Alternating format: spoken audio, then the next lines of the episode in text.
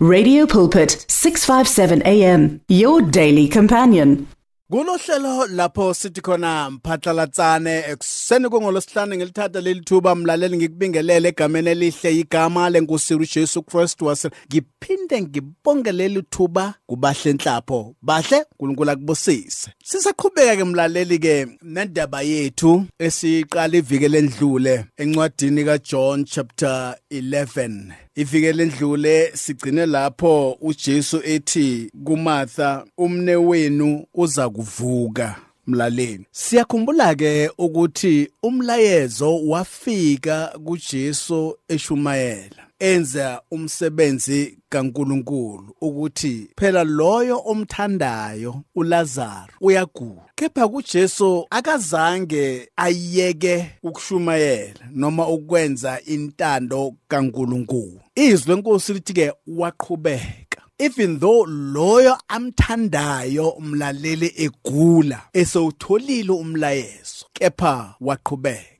Namhlanje mlaleli kunezinto eziningi ezisenza ukuba siuyeke umsebenzi kaNkuluNkulu ama challenges wempilo. Kepha ke uJesu umlaleli njengaloku izwi lenkosi lithi ke kumele sifunde kuye ekwenzeni izinto noma ekwenzeni umsebenzi kaNkuluNkulu. Nanoma isimo sasinjalo wayemthanda kakhulu Lazarus kepha akazange avela athi hey bakithi uLazaro uyagula. Ngakho ke ake simeni la singasaqhubeki aphuthume kuLazaro. Kepha akuzange kube njalo. Waqhubeka wenza umsebenzi kaNkuluNkulu. Mlalela ke ngibuze uhleli lapho ekhaya? Bakukhulume kabi. So amzonda uNkulunkulu awusambona uJesu njengenkosi nomsindisi ngenxa yokuthi labantu okhonza nabo bakuphethe kabi. Usubona ukuthi ngcono uyihlalele ekhaya. Abanye bethu ke sivele sicwile enyembezini zikaQueen ngenxa yezimo esibhekene naso. Ngakho ke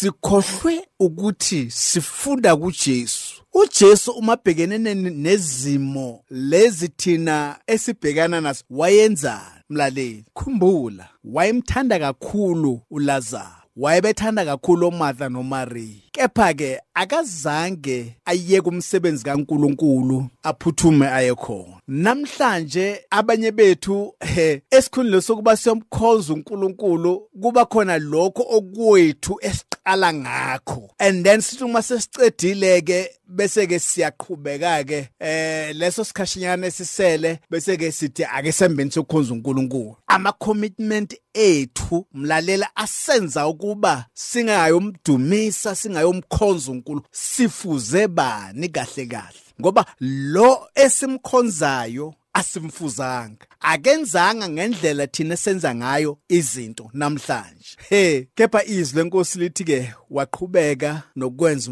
umsebenzi uNkulunkulu ambizele wona. uMartha uma esedibana noJesu usuyamazisa ukuthi Jesu kube bokhona ngeumnawethu engafanga. Ngamamagama it's a kind of a blame somewhere somehow ngenxa ukuthi ke umlayezo sikuthumele wona uLazaro esagula. Ngakho wena wena zange uze Jesu. Waqhubeka wenza lokho kwenza ake ubukeke manje sofile ngakho ke kube bokhona Jesu ngeumnawethu engafanga. Verse 23 uJesu wathi kuye umne wenu uza kuvuka verse 24 uMartha wathi kuye ngiyazi ukuthi uyakuvuka ekuvukeni ngosuku lokugcina. Verse 25 uJesu wathi kuye mina ngingikuvuka nokuphila. Usuyabona ke mlaleli abanye bethu siyamlandela uJesu kodwa asimazi. Siyahlabelela ngaye ezinkonzweni kepha asimazi. Siyafakaza ngaye uJesu enkonzweni kepha asimazi.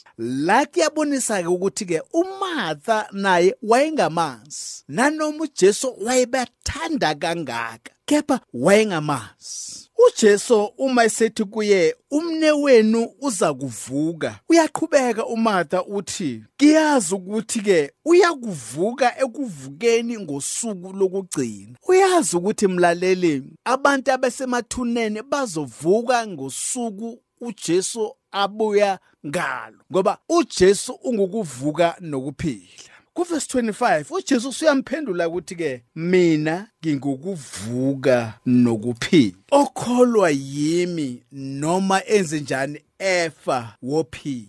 Mlaleli usuyabona ngempela ukuthi kubalulekile ukuba sikhonze inkosi esiyaziyo sikhonze inkosi esifuze kuye. Sikhonze inkosi senze izinto inkosi yethu ethi ke asizenze. Manje la usethi ke mina ngikuvuka nokuphila. Okholwa yimi noma efa wophila hayi ukholo liyashabalala mlaleli uma sekuvela inkinga hayi ukholo liyashabalala mlaleli uma sekugulwa. Abantu eh, sebawubuza kwabanye uNkulunkulu sebayobuza kwabanye abantu abakhonza omunye abanye onkulunkulu. Ngoba isimo sesingenile ekhaya isimo esingesihle. Kepha uJesu uthi ke nanoma efa umuntu wenze njani ophila bese izwi lenkosi ithi ke abakholwayo abafi kepha benze njani? Bayalala. uJesu sethi ke nalowo ophilayo akholwe yimi kasoze afa naphakade kwangathi uNkulunkulu angasibusisa mlaleli sizizwisise siphinde siqonde futhi ukuthi suhlobo lunjani labantu. Izwi lenkosi singalifundi njengoba abanye belifunda. Izwi lenkosi singalenzi njengaloko abanye belenza. Kepha sibe yizwi noma siphile izwi sidle izwi sikholwe izwi ukuze sibe nokuthula empilweni zethu. Amakhaya amakhaya ethu mlalele angaba nokuthula uma singenza ukuya ngezwi likaNkuluNkulu.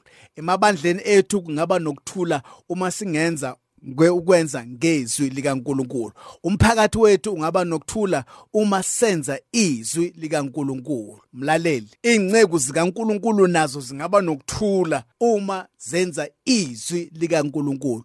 Uma zimfuza uJesu. La izwi lenkosi ithi ke nalo ophilayo akholwe yimi kasoze afa kodwa uba nokuphila okuphakade uJesu sethu ke uyakholwa yilokho na? Verse 27 wathi kuye yebo nkosi ngiyakholwa ukuthi wena unguKristu indodana kaNkuluNkulu obeza kuza ezweni. Okubalulekile kunako konke kumele sikholwe ukuthi uKristu uyindodana kaNkuluNkulu. Ekukholweni kwethu kungabi nje mlaleli kepha sikholwe ngokweqiniso. La uMatthew sethi ke yebo nkosi ngiyakholwa ukuthi wena unguKristu indodana kaNkuluNkulu. Obeza kuza kuphi ezweni? Akubuke mla ukuthi sikhonza uNkulunkulu onjani? Akubuke ukuthi sikhonza inkosi enjani? uNkulunkulu uma ela kuwe uJesu ela kuwe umoya engcwele ola ela kuwe why ukhathazeka ngezinto eziningi? Ngenxa yesikhathi ake ngithathele intambo ngiphinisele kubahle bahle intambo kwezakho babayilapha ekhaya mlaleli. The words of the Lord are words of life. Your heart is on 657 AM. 657 AM. Radio for believers in action.